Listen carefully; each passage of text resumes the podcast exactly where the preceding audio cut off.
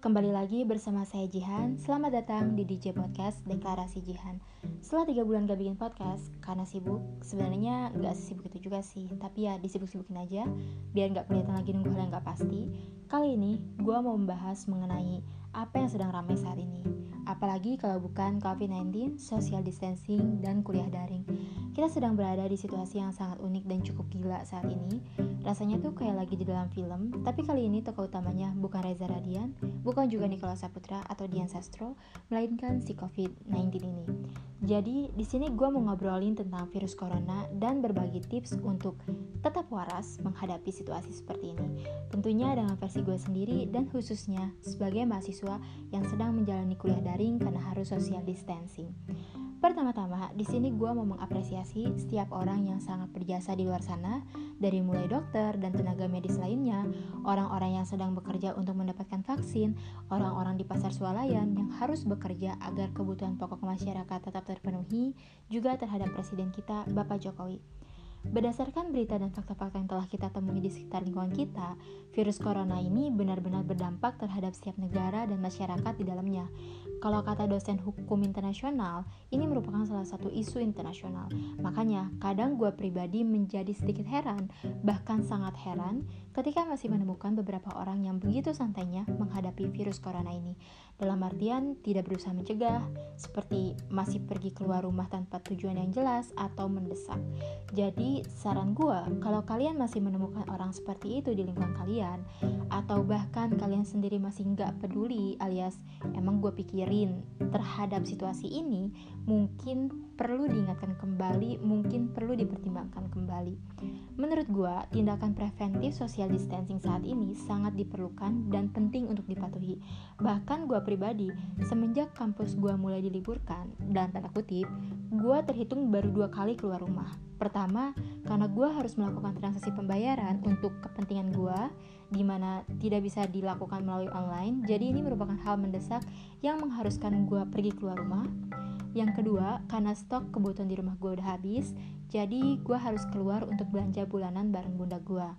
Disadari atau tidak, sebenarnya social distancing yang kita lakukan tidak hanya memiliki pengaruh terhadap kesehatan diri sendiri, keluarga, maupun orang lain, tetapi juga akan sangat memberikan pengaruh baik dalam bidang ekonomi, politik, dan bidang lainnya. Sebesar itu dampaknya kalau kita bisa benar-benar patuh.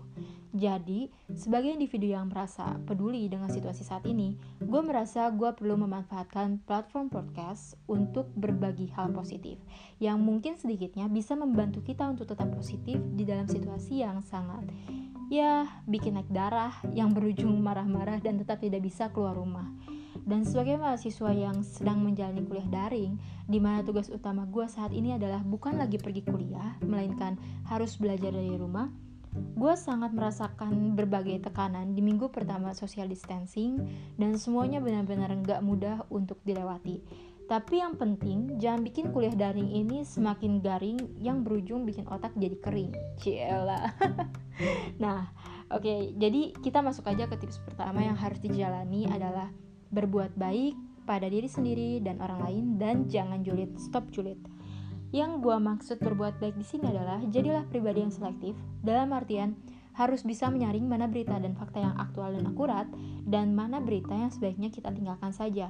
Kurangi menyebar berita yang sebenarnya. Kita nggak tahu sumbernya itu dari mana dan harus saling menghargai dan menjaga satu sama lain. Jangan julid, stop julid. Karena jujur, gue masih melihat orang yang cukup rasis Masih banyak juga orang yang melontarkan hate speech melalui sosial media Dan parahnya lagi adalah mereka itu bersembunyi di balik akun anon. Nah, Terus gue juga masih melihat orang berlomba-lomba menyalahkan orang lain atas situasi yang kita hadapi saat ini. Yang bahkan sebenarnya tindakan seperti itu benar-benar nggak memberikan jalan keluar atau solusi dari pandemi yang sedang terjadi saat ini.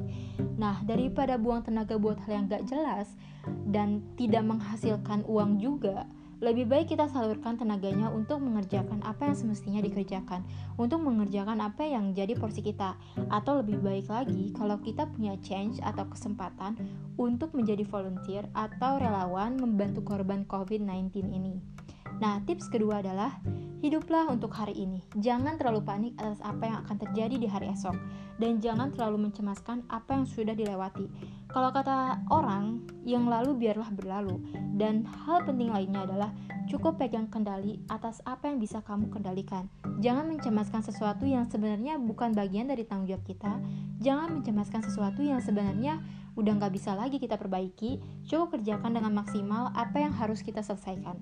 Hal ini sering gue lakuin untuk mengurangi pressure yang gue hadapi saat ini. Tips ketiga adalah selalu menjaga kebersihan dan kesehatan. Gue nggak mau bahas panjang lebar di sini. Intinya jangan lupa cuci tangan, cuci tangan, cuci tangan. Kuliah daring nggak mandi, it's okay, nggak apa-apa. Yang penting yakin udah cuci tangan.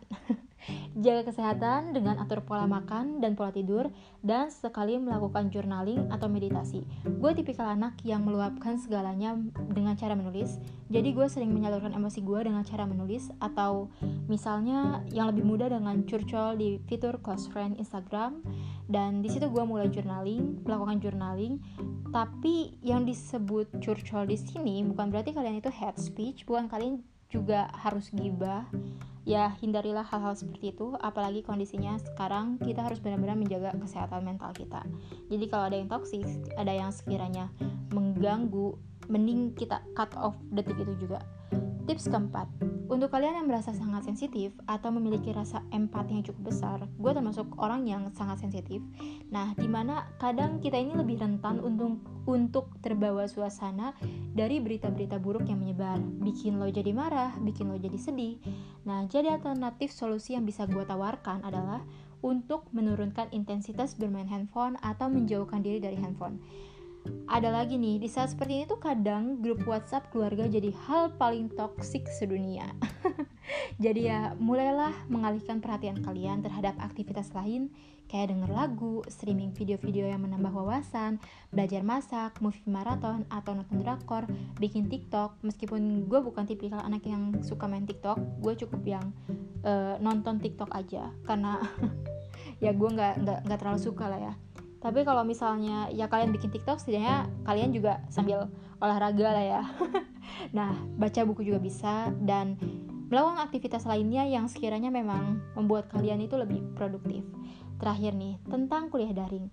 Di kampus gue sendiri, menurut gue pribadi, sistem kuliah daringnya cukup efektif dan gue sangat bersyukur karena dosen gue adalah figur yang benar-benar mendedikasikan hidupnya uh, untuk membimbing kami sebagai mahasiswa dan mahasiswinya, mereka juga terus berusaha untuk terkoneksi dengan mahasiswa-mahasiswinya. Banyak sekali platform yang gue gunakan seperti Ide Unpar, Student Portal, Zoom, grup email, Google Classroom, bahkan sampai Instagram Live, WhatsApp, dan lain. Jujur gue benar-benar merasa kewalahan pada awalnya, tetapi gue coba beradaptasi dan melakukan yang terbaik untuk apa pun yang harus gue kerjakan dan untuk setiap tugas, kuis, ujian yang harus gue selesaikan. Gue gak akan berkeluh kesah di sini karena gue cukupkan untuk berkeluh kesah di minggu pertama gue kuliah daring. sampai itu sampai gue di titik mendengar notifikasi aja itu bikin gue pingin marah rasanya nah intinya setelah gue melewati fase tersebut cara gue menghandle kuliah daring gue cukup simpel. Tata kamar senyaman mungkin buat jadi ruang istirahat belajar, kuliah daring, dan kerja bagi kalian yang mulai kerja sambil kuliah atur jadwal tidur, dan biasakan tetap bangun pagi. Waktu ideal gue memulai aktivitas adalah jam 8 pagi. Gue kayak gini bukan berarti gue nggak pernah bandel. Kadang gue drakoran sampai subuh, terus bangun jam 12 siang. Tapi semenjak mulai kuliah daring, gue sedikit demi sedikit membiasakan diri untuk kembali menjalani rutinitas gue, kembali bangun jam 8 pagi. Selanjutnya atur jadwal belajar, mengerjakan tugas dan kuis. Gue menargetkan diri gue untuk minimal belajar tiga subjek mata kuliah setiap harinya. Setidaknya di hari itu ada materi yang gue baca, gue pahami. Jadi mudah-mudahan itu bisa menghindari gue dari keteteran di kemudian hari. Karena ya uh, kita tahu bahwa mencegah itu benar-benar lebih baik daripada mengobati. Nah, ketiga, kurangi menunda-nunda pekerjaan. Sumpah, di saat lagi LDR sama dosen, kita yang tadinya biasanya dibimbing, jadi dalam tanda kutip harus belajar mandiri, dan belum juga ada tugas dan kuis yang seabrak, itu tuh memang bikin capek, bikin capek fisik, bikin capek mental. Tapi ya menunda-nunda untuk menyelesaikan itu, semua tuh benar-benar bikin capek kita jadi dua kali lipat bahkan lebih. Kali ini ya tolonglah percaya sama gue jangan menunda-nunda pekerjaan. Bold it underline it. Nah friendly reminder Please rajin-rajin mencari, menggali informasi seputar kebijakan, mekanisme, sampai kegiatan perkuliahan daring. Hubungi dosen saat dirasa perlu, buka forum sama dosen sendiri atau teman-teman untuk mendiskusikan apa yang udah kita pelajari. Jangan lupa selalu perhatikan etika menghubungi dosen atau orang lain. Karena jujur kadang gue juga jadi korban dihubungi beberapa orang yang memang uh, mereka kadang lupa waktu jadi kayak melewati waktu yang seharusnya kayak tengah malam lah atau bahkan subuh. Ya sebenarnya itu nggak terlalu masalah tapi jangan sampai kita melakukan hal tersebut ke dosen atau ke orang yang seharusnya lebih kita hormati. Kalau temen santai lah ya. Nah satu hal yang unik dari rutinitas gue adalah gue bikin aturan di mana gue nggak boleh pakai baju tidur di saat gue mau belajar, mengerjakan tugas ataupun kuis, karena ujungnya pasti bikin pingin rebahan lagi. Entah ya, dengan gue sedikitnya gosok gigi, cuci muka, uh, dan ganti baju, itu bikin gue lebih siap untuk beraktivitas di hari itu. Dan yang terakhir, dan yang paling penting adalah disiplin adalah kunci bacotan gue dari awal sampai akhir ini cuma akan berakhir di platform ini kalau gue nggak mendisiplinkan diri. Jadi ya begitu, disiplin adalah kunci. Oke, okay, gue cukupkan sampai di sini. Semoga bermanfaat dan semoga harimu menyenangkan. Selamat sore. Jangan lupa cuci tangan dan jangan keluar rumah.